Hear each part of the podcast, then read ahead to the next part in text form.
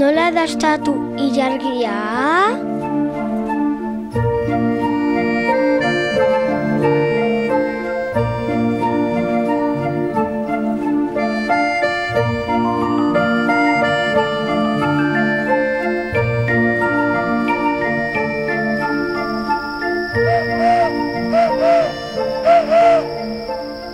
Aspaldi zebiltzan, abereak ilargin nola dastatuko zuen, pentsatzen.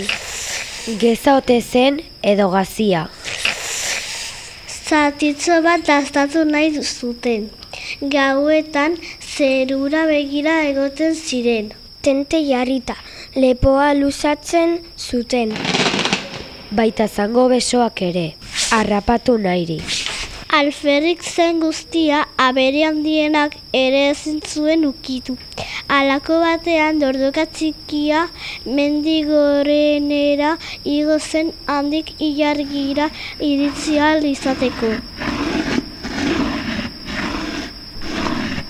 Gain hartatik ilargia hurbilago zegoen, baina hala ere dordokak ezin izan zuen ukitu. Orduan elefanteari egin zion dei. Elefantea!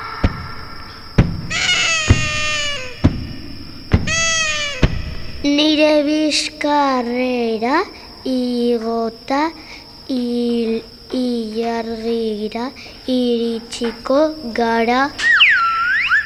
Ilargiak pentsatu zuen jolasean ari zirela, eta elefantea hurbiltzen ari zela atzelatu egin zen apur bat. Elefanteak ezin izan zuenez ilargiak ukitu jirafari egin zion dei. Jirafa! Nire bizkar gainera igota ilargira iritsiko gara. Baina jirafa ikusitakoan ilargia goratu egin zen apurtxo bat. Eta jirapan lepua luzatu eta luztatu aritu bazen ere. Ez izan zuen ilargia ukitu eta zebrari egin zion dei. Zebra! Nire bizkar gainera igota ilargitik hurbilago egongo gara. Ilargiari gustatu egin zitzaion, jolas ura eta berriro goratu. Zen urrun zeago. Zebrak egina alak egin zituen, baina ezin izan zuen ilargia ukitu, eta lehoiari egin zion dei. Leoia!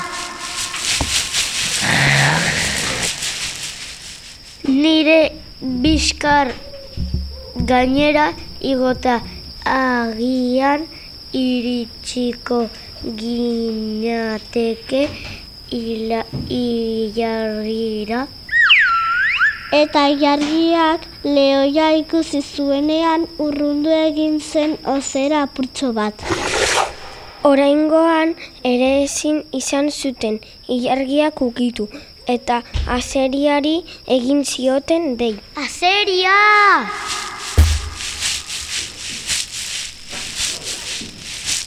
Nire bizkar gainera igota lortuko dugu bai horixe. Azeria ikusi zueneko gorantz egin zuen ilargiak berri. Utsa zen ilargiraino iristeko.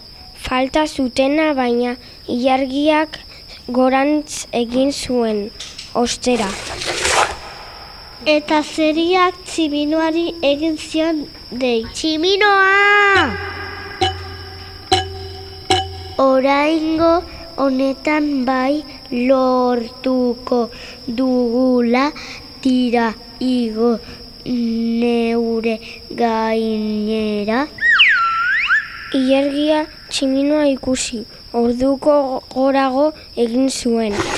Tximinoak aditzen zion usaina, baina ukitu, bai zera, eta xaguari egin zion dei. Xagua!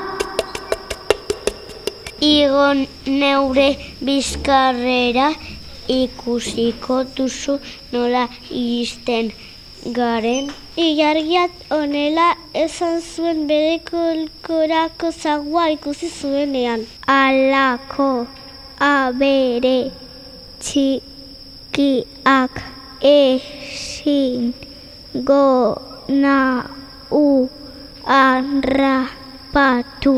Eta jola sartaz, aspertu samarra. Zegoenez, zegoen lekuan gelditu zen. Orduan sagua dordokaren gainean igo zen. Elefantaren gainean, jirafaren gainean, zebraren gainean, lehoiaren gainean, azeriaren gainean, tximinoaren gainean eta aginkada batean. Ilargiaren zatitxo bat hartu zuen. Dastatu zuen atsegin handian eta ondoren mokadu bana eman ziren tximinoari, azeriari, lehoiari, zebrari, jirafari, elefanteari eta dodokari. Eta ilargia dastatzean bakoitzari gehien gustatzen zitzaiona dastatu zute. Gau hartan denek elkarrekin egin zuten lo.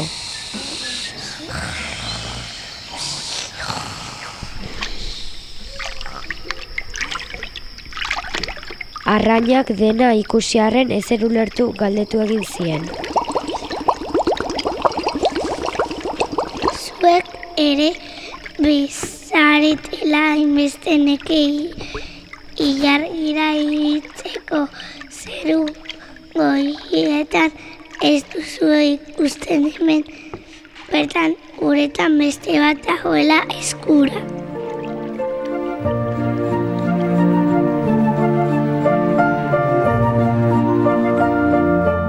Ane, Aizea, Markel, Iraitz, Katixa, Lur, Oian, Aner, Liber Hernández Rodríguez, Ainara Blanco Ortiz, Alain Álvarez.